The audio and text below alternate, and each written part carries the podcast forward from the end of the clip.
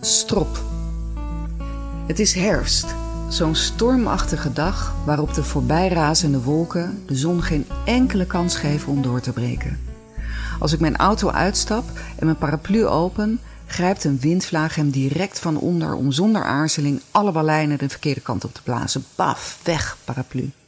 Het is niet de enige die ik even later in en om de openbare vuilnisbak aantref, in verschillende stadia van onbruikbaarheid.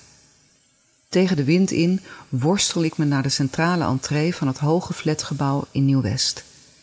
Bij helder weer moet je vanaf de hoogste verdiepingen de zee kunnen zien, maar vandaag verwacht ik niets anders dan een door striemende regen vertroebeld uitzicht op de grauwe buitenwereld. Ik bel aan. Zeventiende verdieping, alstublieft, zegt een vermoeid klinkende stem.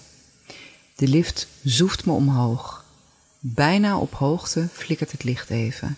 De lift hapert en boemelt dan weer door. Op de juiste verdieping word ik met een schok uitgeboord. Een oudere heer doet me open en stelt zich voor. Zijn ogen staan serieus en laten een pijloos verdriet zien.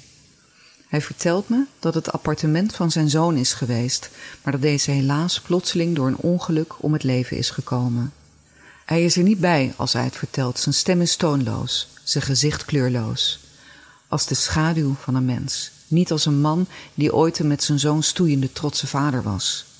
Ik voel aan alles wat hij zegt dat ik beter niet door kan vragen, dus beleefd condoleer ik hem en volg ik hem het appartement in. De flat is netjes ingericht.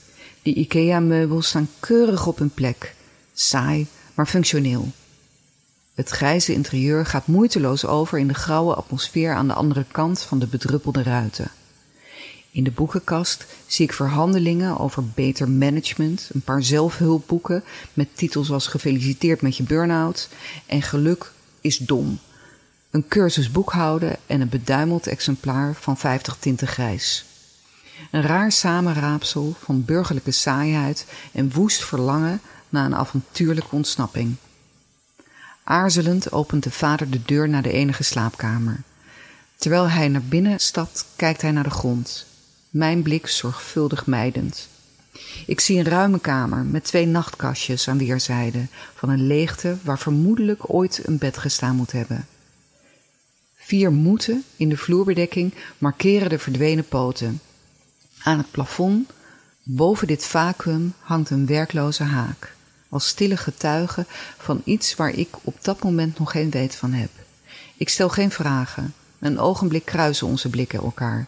Hij zucht en haalt zijn schouders op, als een man die zich excuseert, schaamt. Even later hebben we een rustig gesprek over de verkoop. Via zijn advocaat heeft hij mijn naam doorgekregen, dus ik hoef mezelf nauwelijks te introduceren. Het vertrouwen is er en hij wil het liefst zo min mogelijk te maken hebben met de verkoop.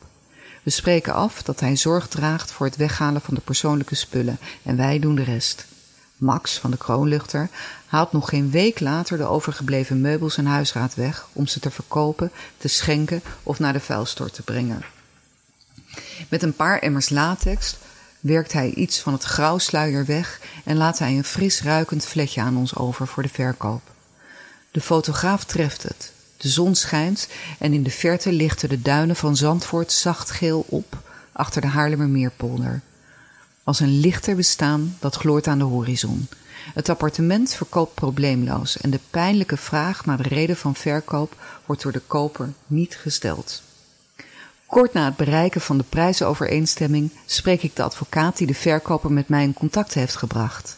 In vertrouwen vertelt hij me hoe de zoon om het leven is gekomen en hoeveel pijn dat zijn ouders heeft gedaan. Na enkele dagen onbereikbaar te zijn geweest, werd hij door hen levenloos en met ontbloot onderlichaam in zijn bed aangetroffen. De wurgende strop van extase nog om zijn nek.